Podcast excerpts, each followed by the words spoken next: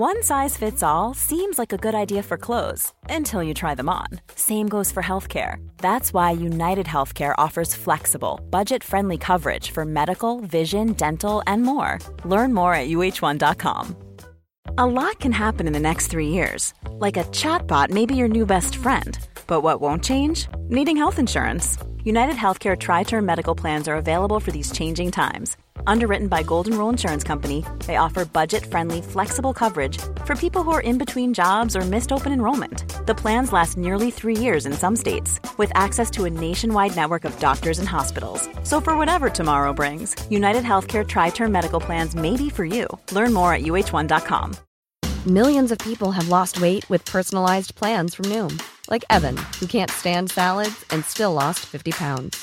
Salads, generally, for most people, are the easy button, right? For me, that wasn't an option. I never really was a salad guy. That's just not who I am. But Noom worked for me. Get your personalized plan today at Noom.com. Real Noom user compensated to provide their story.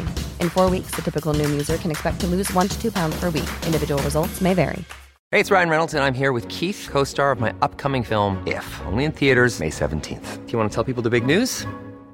All right, I'll do it. Sign up now and you'll get unlimited for $15 a month in six months of Paramount Plus Essential Plan on us. Mintmobile.com slash switch. Upfront payment of $45 equivalent to $15 per month. Unlimited over 40 gigabytes per month. Face lower speeds. Videos at 480p. Active Mint customers by 531.24 get six months of Paramount Plus Essential Plan. Auto renews after six months. Offer ends May 31st, 2024. Separate Paramount Plus registration required. Terms and conditions apply if rated PG.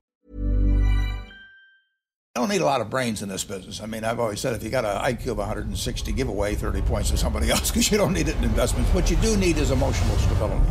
Wow. Very first tech IPO, and it's a big one. Stock market hit an all time record high today. A crash is coming. Now, whether it's six months from now, 12 months, 36 months, no one knows. There's a bear market about every five years. We've gone eight years without one. People have to realize this is the biggest IPO ever.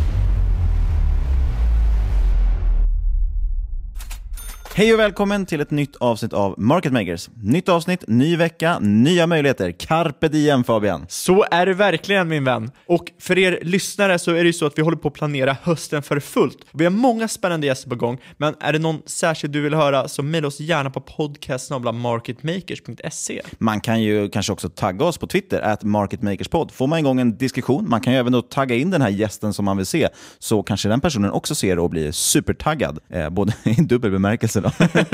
Men eh, dessutom, förutom gäster, så har vi ju lite aktiviteter inplanerade också. Men det får vi ta när det kommer. Det kanske kommer, Hemligt än så länge. kanske kommer drickas öl i Linköping. Vem vet? Oj. Vem vet? Oj, oj, oj. Eh, men vad ska vi prata om den här veckan? Ja, tyckte du att cannabis-snacket förra avsnittet kändes jobbigt? Ja, då blir det inte bättre den här veckan tyvärr, för den här veckan ska vi prata om tobak. Härligt. Eh, röker du Fabian? Eh, nej mamma och pappa om ni lyssnar på det här. nej, jag röker faktiskt inte och eh, jag snusar inte längre heller. Nej, då så. Så att då kan vi inte göra några lynchningar. Härligt, då blir det faktiskt riktig analys. Men först ett nyhetssvep. Vi lever just nu i den officiellt längsta bullmarknaden. Det har gått närmare 2500 dagar sedan man ansåg att björnmarknaden var över efter finanskrisen. Man säger i alla fall det eftersom vi sedan 2009 inte upplevt någon nedgång på mer än 20%. En totalt godtycklig gräns, givetvis. Eh, men å andra sidan är det ingen som har något bättre förslag, antar jag. Och som en del säkert minns hade vi ju 2015 en nedgång på, det var, ju, alltså, det var en hårsmån från att vara 20% på Stockholmsbörsen. Och även i USA hade man ju fall då. Så det beror på, det beror på vad man drar gränsen. Drar man gränsen på 15%, ja då är det inte den längsta bullmarknaden. Drar man den på 25%, ja då är det garanterat den längsta. Och så vidare. Det är en godtycklig gräns. Jag brukar alltid dra på 1%. 1% drawdown är lika med björnmarknad. Ja, det brukar jag också. Då likviderar jag allt. Jag har stopplossar där på allt. Ja, men jag likviderar så fort det går ner en halv prosse. Du Ja. vill ju inte förlora pengar. Kapitalförstörelse. Exakt. Jo men det är så, i USA så ser vi att de stora indexen S&P 500 och Nasdaq, de gör ju nya all time highs. Men eh, EU, de lägger ju efter faktiskt. Och både tyska och svenska börsen, ja de tycks ju ha toppat förra hösten. Och Eurostox 50, ja det har inte nått toppnivåer sedan våren 2015. Ja och då kan man ju ställa sig frågan om Europa släpar efter USA och vi har nya all time highs framför oss, eller om USAs, eller om USAs toppar främst beror på att folk vill allokera mot dollarn. Ja, och en del pratar ju om att vi har en klassisk toppningsformation. Marknaden försöker just nu lite bestämma sig om vart den ska framöver, vad vi har för narrativ och det karaktäriseras ju bland annat av hög volatilitet, något vi verkligen sett eh, tydligt framför allt under våren. Eh, till exempel då när de här eh, kort VIX-ETFerna sprängdes i vitar. Ja, något man kan fundera på är ju antalet bolag i USA som sätter nya toppnivåer. Det minskar ju i januari i år så hade vi en riktigt stark börs med breda uppgångar och vad vi menar med det är att många aktier nådde nya toppnivåer och det är en typisk indikator för en stark börs och riskvilja. Och i dagsläget, ja, vi ser ju faktiskt att allt färre bolag driver större delar av börsen. Eh, till exempel kan vi nämna att techbolagen står för över 20% av uppgången i index under denna bullmarknad sedan 2009 och desto kortare tidsperiod man tittar på, ja, desto större blir ju den här siffran. Ja, tittar vi på årets uppgång så har ju fyra bolag stått för 40% av uppgången i S&P 500. Ja, det är Amazon, Netflix, Microsoft och Apple och det här har vi pratat om tidigare i podden. Ja, vi har pratat om det, flera andra har pratat om det och eh, det slängs runt väldigt många olika siffror så det beror lite på när man räknar in, till exempel vi hade haft stora nedgångar i några av de här nu eh, och vilka bolag man buntar in och så här. Vi kan bara säga det. Men poängen, det vi vill nå fram till, det är att tittar man tillbaks så brukar det vara så i början i alla fall av en cykel så är det, ja, då är det liksom en bred uppgång, som det är många bolag som stiger helt enkelt. Medan man nu ser att eh, en hel del bolag faktiskt backar kanske, medan det är några få bolag som stiger så pass mycket att de då ökar, drar upp hela indexet. Och visste du förresten att en tredjedel av alla bolag i globala index anses vara i en björnmarknad, alltså mer än 20% ner? Eh, så det är väldigt tydligt att en handfull bolag och några, framförallt några få sektorer eldar börsen uppåt. Jag får mig att det är två av elva sektorer i S&P 500 eh, som faktiskt drar på hela uppgången. Resten räknas då som i en björnmarknad i princip. Ja, så kan du lägga till att eh, Fed, de har ju börjat med QT. Eh, Quantitative tightening, man drar från likviditet från marknaden kan man säga. Marknadsdivergens, eh, peak i kreditcykler eh, som vi diskuterade för var det, två avsnitt sen. Och sen en utplanad yieldkurva och eh, allmänt en minskad oro bland investerare och konsumenter. Ja, det är många orosmoln och det är rätt intressant. Vi kan titta lite närmare på det sista du sa. Eh, det är nämligen så att US Consumer Index det nådde i augusti sin högsta nivå sedan oktober 2000. Någonstans då sprack ju dotcom-bubblan. US Consumer Index är alltså ett index som ska mäta amerikanernas ekonomiska optimism. Det mäter ju bland annat vad folk tror om sin egen och landets ekonomi framöver. Och Poängen är att generellt tenderar folk att extrapolera linjärt. Man tror alltså att det som varit ska fortsätta. Och Då brukar det vara så att i slutet av en högkonjunktur, när allting har pekat uppåt väldigt länge, ja, då börjar folk justera sina prognoser och tro att det här kommer bara tuffa på som tåget. Precis samma sak som händer ju i en lågkonjunktur. Då tror ju alla att det ska fortsätta neråt och att det är världens undergång. Och Det är då det brukar vara köpläge då, om man är värdeinvesterare. Eh, Ja, och vi brukar tyvärr inte då liksom ändra våra prognoser förrän en ny trend etableras och därför brukar de här typerna av indikatorer visa rekordnivåer just innan det vänder och även då lagga liksom hur ekonomin faktiskt egentligen går. Jag glömde ju förresten nämna inflationen. För förutom att US Consumer Index visade på en allmän tro på ökad inflation, bland annat i form av ökade löner, så ser vi ju faktiskt att flera företag börjar höja priserna. Och det är ju återigen något vi pratade om för två avsnitt sedan. Ja, till exempel nämnde vi då shrinkflation, det vill säga att om man inte har pricing power man klarar alltså inte av att höja priserna och konsumenterna godtar det, då kan man göra så att man minskar förpackningarna men säljer för samma pris. Ja, alltså du kan, eh, om du säljer fyra kakor kan du sälja tre. Exakt, men ta samma prislapp för det. Men nu har vi också sett att företag faktiskt börjar höja priserna. Till exempel har 3M höjt priser på allt från post-it-lappar till kabelmaterial. 3M för övrigt rattas ju av den svenske Inge Thulin. Kan vara intressant att lyssna in hans sommarprat. Det är ju en, någon form av svensk legend får man väl ändå säga, levande legend. Eh, men det vi ser i alla fall är att saker som packmaterial, transportkostnader och sånt ökar. Och Det här är något som Amazon bland annat gått ut och pratat om mycket. Och Eftersom så stor del av ekonomin idag är beroende av att frakta saker så kommer de här ökade kostnaderna för just frakt att sprida sig till de produkter som slutkunden köper. Ja, och vad kan det här då mynna ut i? Jo, någonting som kallas stagflation. Stagflation, det är ett väldigt osexigt ord. Stagflation, jag tycker ju om det här lite engelska uttalet. det innebär ju både minskad tillväxt och ökad inflation. Och Det här är ju problematiskt eftersom åtgärder som ska öka tillväxten ofta ger ökad inflation och vice versa. Och alltså sitter man i någon typ av rävsax utan utväg. Men för att avsluta lite positivt och konstruktivt, vi får inte bli betraktade som permabjörnar, eh, så då kanske vi ska fokusera på vad man ska investera i om vi går in i den här världen vi beskriver i med minskad tillväxt och ökad inflation. Och har du något tips då Fabian, vad ska man köpa för någonting? Ja, du kan ju köpa floating rate notes. Eh, det är alltså obligationer där räntan justeras med korta intervaller så att man minskar ränterisken och eh, det kan vara bra ifall räntan höjs för att parera den höga inflationen. Något annat som kan vara intressant är ju ädelmetaller. Det har vi pratat om mycket förut, guld och silver till exempel. Här tror jag att guld kanske är extra intressant eftersom man gärna vill undvika de metaller som används i industrin. Vi har ju sett att industrimetaller som koppar och zink till exempel gått riktigt svagt år, ner 16 respektive 23 procent. Eh, björnmarknadsterritorium alltså. Oj, oj, oj. Typisk indikator på att konjunkturen minskar in då efterfrågan på de här sjunker. Och silver just det används ju faktiskt till viss del i industrin och då kan ju guld vara lite mer intressant av de två. Men det ska också tilläggas att visst, det här har påverkats av handelstullar och så vidare. Ja, och vill man leta aktier då är det hälsovård och så kallade consumer staples som är intressanta. Hälsovård har vi sett gå riktigt starkt, åtminstone om man tittar på det amerikanska indexet som mäter detta. Och vi ser även att fonder som DNB Healthcare, de är upp 17% de eh, senaste tre månaderna. Consumer staples då, då, de är defensiva aktier. Det är saker som konsumenter alltid behöver och som kommer kunna justera upp sina priser. Här skulle man ju kunna tänka sig att bolag som Essity och ICA passar bra i portföljen för en svensk investerare. Och som nybliven förälder kan jag mena att Essity med sina blöjor till exempel, det är ju saker som går åt i stora mängder oavsett hur ekonomin ser ut. Man vill ju inte ha bajs på golvet bara för att man inte har något jobb. vill man grotta ner sig i de här sakerna så kan jag rekommendera för att man går in på Börsdata inte sponsrat på något sätt, men det är en väldigt bra tjänst. Man kan gå in på deras screener, då kan man sortera faktiskt på branscher och sektorer. Då kan man välja hälsovård och dagligvaror kan man kika lite på det här. Eh, kan man kanske hitta bra case inför hösten. Men nog om det. Vad är nyhet nummer två? Ja, ingen kan ju ha missat att emerging markets åkt på en riktig bajsmack under 2018 till följd av en dollar som ja, inte verkar kunna ha stoppats. Ja, kriser i emerging markets, ja det är i första hand valutakriser och det går i två vägar. Antingen har du en svag inhemsk valuta och eller så har du en stark dollar. Ja, och utöver det så bidrar ju liksom de här likviditetsflöden också till att spä på emerging markets kriser. Då. Som man kan förstå så stryps ju likviditeten, ja då minskar ju även köpare på marknaden och den här spreaden ökar. Och ska vi liksom klargöra vad som menas med likviditet, ja då menar vi bland annat finansiering från centralbanker, expansiv penningpolitik till exempel. Eh, vi menar även kapitalflöden mellan länder, hur mycket man handlar och givetvis också för den privata sektorn som banker, hur mycket lån man ger ut egentligen. Ja, men det man kan se under 2018 2018, ja det är att den här krisen är aningen annorlunda. För utesluter man länder som Turkiet och Argentina vars kriser snarare beror på landets styrning, så ser man att den nuvarande krisen i emerging markets beror på externa omständigheter på grund av den stärkta dollarn och inte på grund av ekonomiska problem inom emerging markets. Men jag trodde att eh, Venezuelas ekonomi har gått väldigt bra. Den är ju upp över 40 000 procent, deras börs i år. Det är fantastiskt. Otroligt. Men det finns ju en anledning varför jag har halva portföljen i Venezuela. det är så va?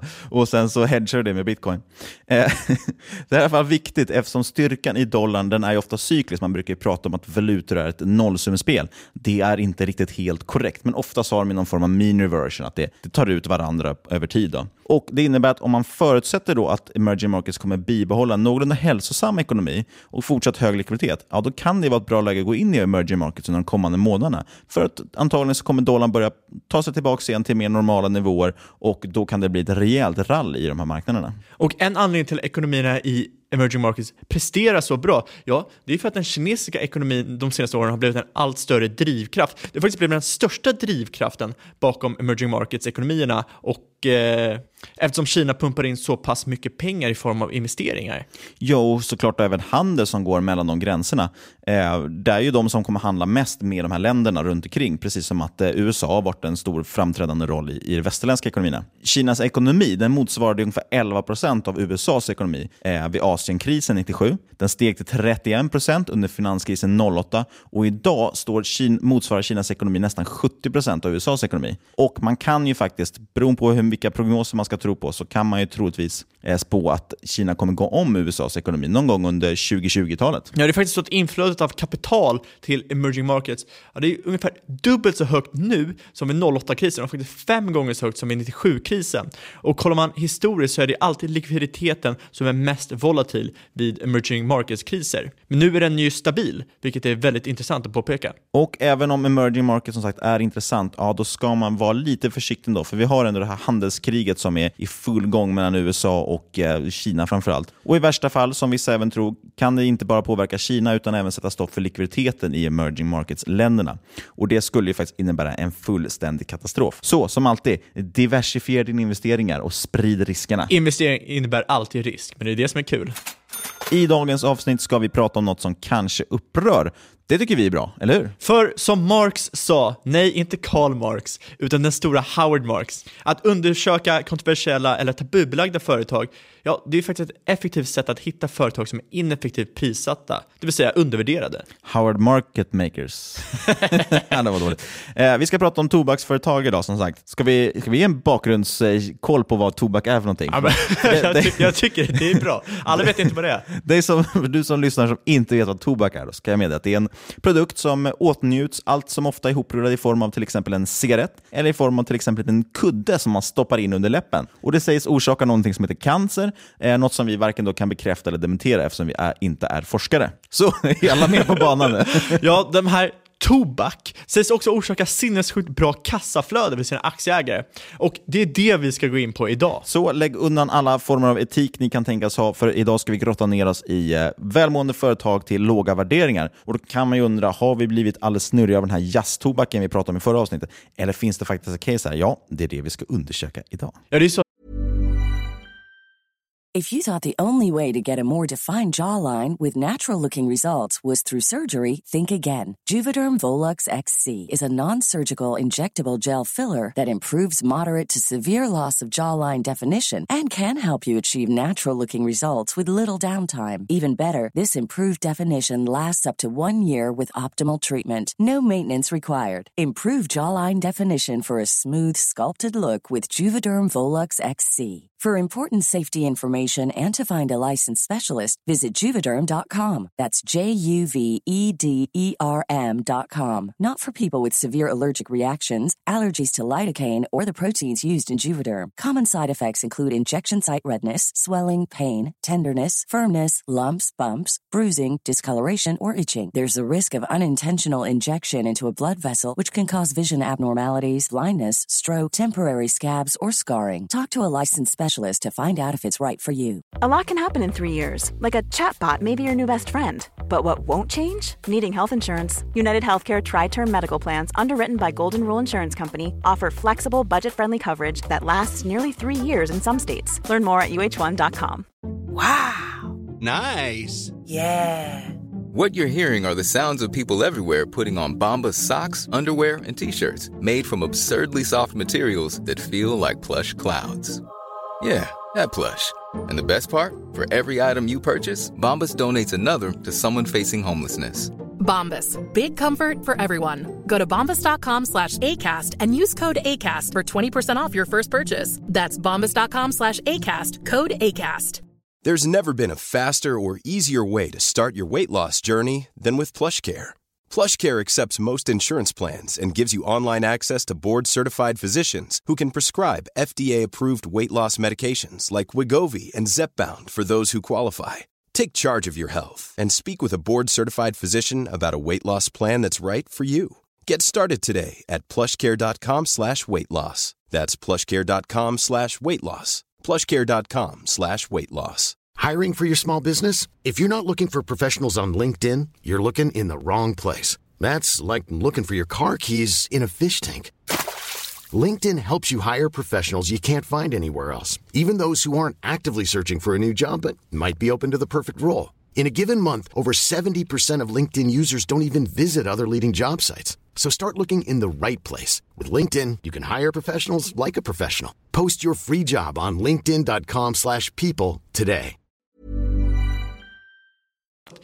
Tobaksindustrin har fallit offer för otaliga regleringar i flertalet länder de senaste decennierna. Allt från att man inte längre får marknadsföra tobak till att bilder på cancersvulster sitter på förpackningar i ett tappert försök att minska konsumtionen av tobak. Utöver det så har ju industrin också tvingats betala ut miljardbelopp till följd av diverse stämningar. Och Det som är intressant med tobaksindustrin är att om det här hade hänt vilken annan industri som helst så hade den troligtvis dött ut. Men det gäller inte för tobak och det här visar ju på att man har faktiskt en sjuk motståndskraft och ett ja, tyvärr då en väldigt stark marknad som efterfrågar det. För inte bara har företagen överlevt, de har faktiskt snarare blomstrat och gett en riktigt saftig return on investment till sina aktieägare.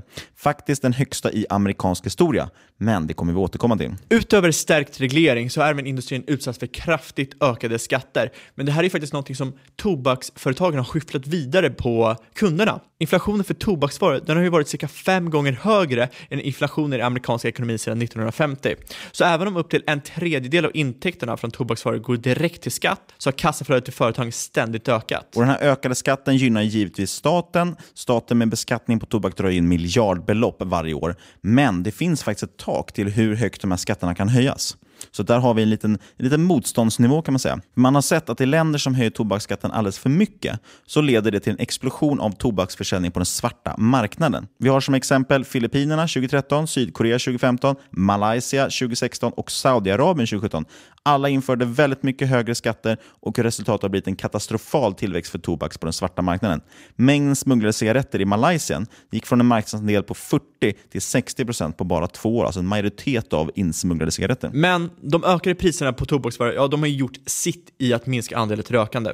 Hur många känner man nu för tiden som står ute på jobbrasten och röker? Och är det ens någon du känner så är det helt klart färre än för 20 år sedan. Man ska inte glömma att tobak har blivit allt mindre populärt de senaste 50 åren och användartalen fortsätter att falla. USA röker bara hälften så många idag som under 50-talet och i Sverige röker ännu färre. Och trots tillväxten i befolkningen så har inte det här kunnat kompensera för fallet av tobaksbrukare. Och Det är här man ser att tobaksbolagen fortsatt har en stark pricing power.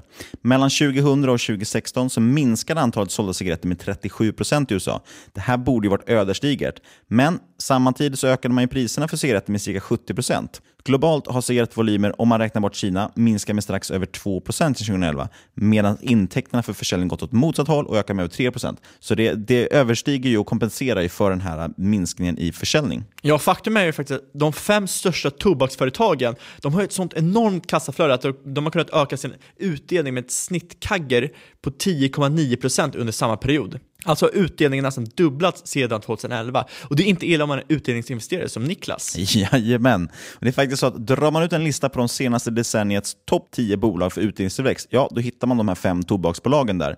Man har alltså haft väldigt starka kassaflöden och har då kunnat dela ut väldigt mycket pengar. Och sen ska vi faktiskt komma till något som alla värdeinvesterare älskar och det är ju vallgravar, eller moats. Och tobaksbolagen har ju troligtvis en av de starkaste vallgravarna någonsin. Ja, för bortser man från Kina så finns det i dagsläget sex stora spelare som kontrollerar majoriteten av marknaden. Det är Altria, British American Tobacco, Philip Morris, Japan Tobacco Company, Imperial Brands och Swedish Match. Ska vi dra dem en gång till? Vi får ju klagomål på att vi sluddrar ibland, att folk inte hör bolagens namn. Vi säger dem en gång till bara för att. Altria, British American Tobacco, Philip Morris, Japan Tobacco Company, Imperial Brands och Swedish Match. Fasen vad snyggt alltså. Snyggt. Det där känns proffsigt. Och eftersom man till exempel inte får marknadsföra tobaksprodukter i lejonparten av världen är det nästan till omöjligt för nya konkurrenter att slå sig in på marknaden. Det här är rätt intressant, för det gör ju att ja, det finns egentligen ingen annan industri där sex företag har global världsmakt och drar in hundratals miljarder kronor om året utan att kunna få konkurrens utifrån. För vem ska försöka konkurrera ut dem utan marknadsföring? Ja, sen om man står bakom tant Agda i Kön på Ica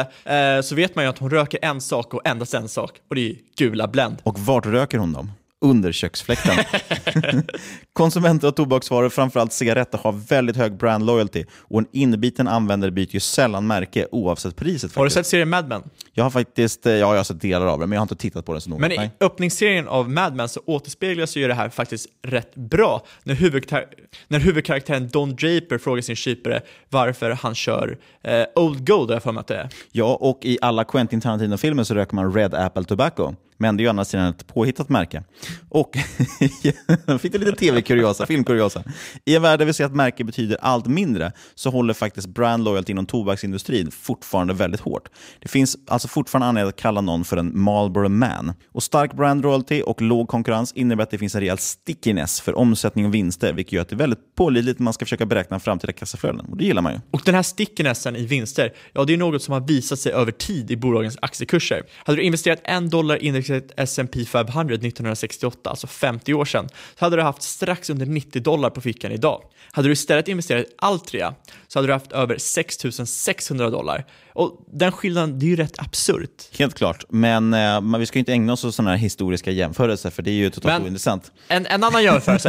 eh, om man kollar på British American Tobacco så tuggade det upp 2200% mellan 98 och 2016. Och jag skulle säga att det är fanklass på det. Det är ett eh, det är en årlig avkastning på 17,5%. Det är helt okej okay, faktiskt, det får man ändå säga. Och dessutom då har man ju höjt sina utdelningar och allting under tiden. Det är, det är som sagt väldigt stabila bolag. Och fortsätter vi det här vallgravsgrävandet eller vallgravsutforskandet så är det faktiskt också så att det finns inget perfekt substitut för tobak. I alla fall inte än så länge. Öl, visst, där kan man välja vin eller sprit och för vissa då även cannabis, vilket vi såg i förra avsnittet. Ja, alla som har snusat, de vet ju att det inte finns något att byta över till om man vill sluta med tobak. Det är bara att sitta där och tugga på sin jäkla morot. Men varför är de här bolagen då så lågt värderade? De har stabila kassaflöden, de ökar vinster, de ökar utdelning, bla bla bla bla bla. Det är ju så här, vi är ju faktiskt inte några investeringssnillen och hur gärna vi än vill tro det så är vi knappast först på bollen.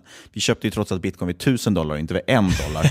så varför är det lågt värderat det här? Ja, senaste björnmarknaden, om man kan säga så, för tobaksbolagen har utlösts från en blandning av hot kring ökade regleringar, ökad rädsla kring industrins död på grund av intåget av alternativ som till exempel e-cigaretter och sen ökad förekomst av nya nya regler för vissa institutionella ägare som inte längre får äga tobaksföretag. Nej, precis.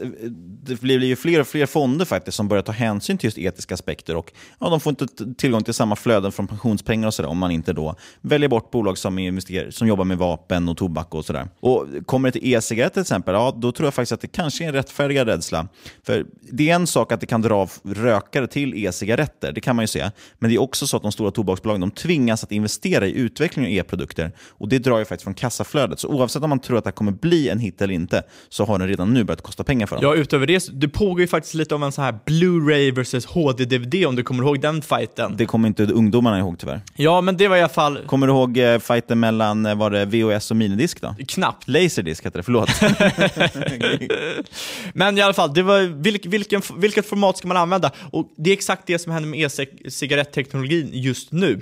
Det ska man använda Vapor eller Heat Not Burn? Och eh, har man satsat fel där, ja då kan det ju bli en kostsam historia. Just nu är det dessutom e-cigg lägre skatt än tobaksvaror. Det kan ju innebära att man får rätt bra marginaler över tid och det skulle då sig kunna bli något positivt också om man då investerat i det här och får fram bra produkter. Så vi får se. Men i alla fall så är ju den här rädslan för att tobaksindustrin ska dö inte direkt något nytt. Det är faktiskt en anledning varför tobak konstant varit lägre värderat än sin liksom, peer-grupp i consumer staples de senaste decennierna. Hoppar man tillbaka till Altria då, då, som har varit en av de bäst presterande aktierna de senaste 50 åren, så har ju faktiskt oftast tradas bland de billigaste aktierna på marknaden. Men som alla vet, som har lyssnat på våra sommarprat, så tenderar opopulära och framförallt lågt värderade investeringar att generera bra avkastning för sina aktieägare över tid. Ja, det är ju faktiskt värde i ett nötskal. Som Howard Marks sa, No investment can be a bad investment if bought cheap enough.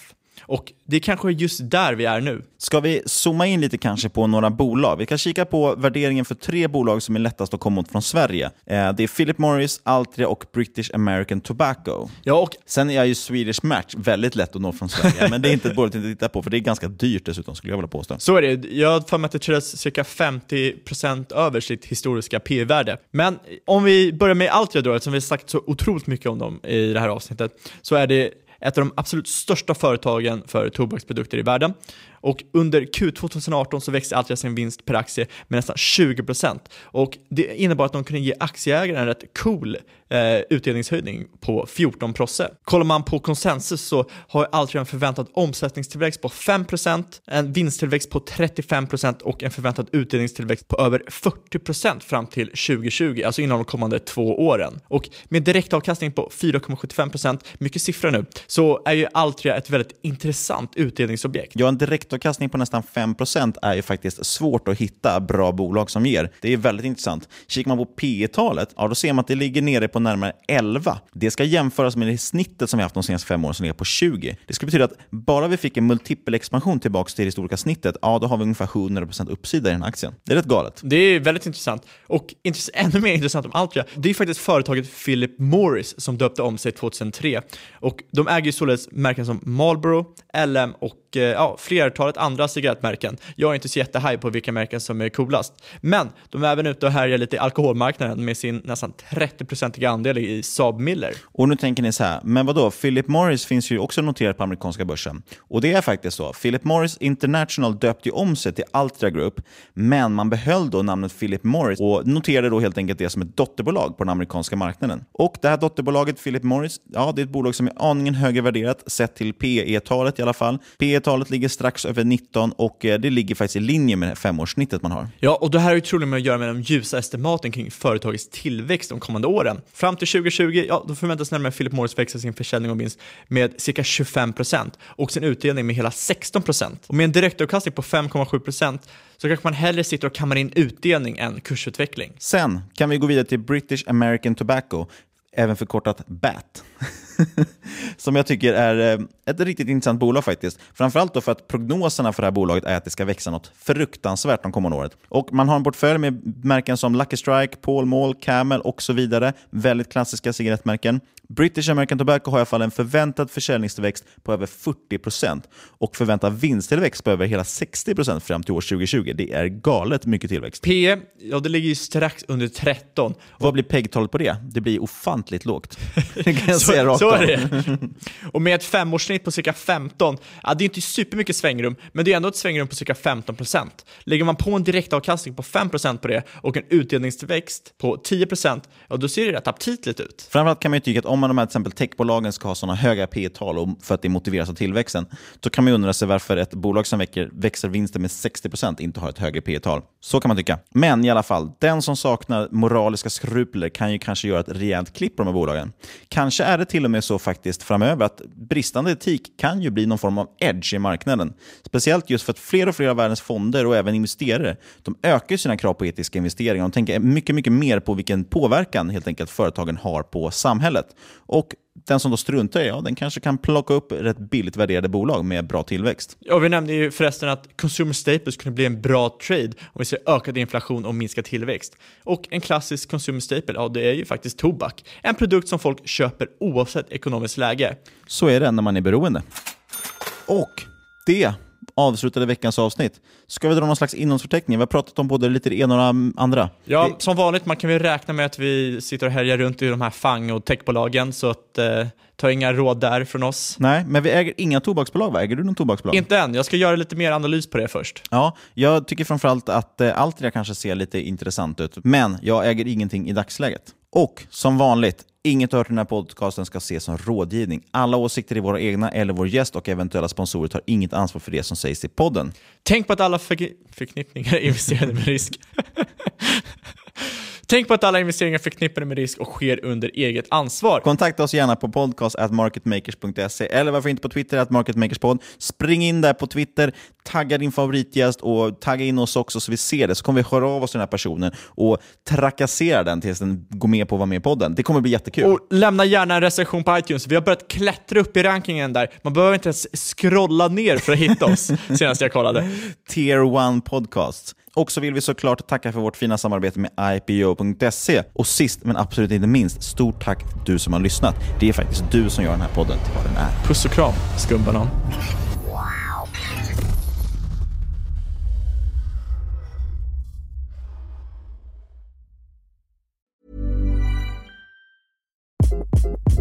Hi, this is Craig Robinson from Ways to Win, and support for this podcast comes from Invesco QQQ. Invesco QQQ is proud to sponsor this episode and even prouder to provide access to innovation for the last 25 years. Basketball has had innovations over the years, too. We're seeing the game played in new ways every day. Learn more at Invesco.com slash QQQ. Let's rethink possibility. Invesco Distributors, Inc.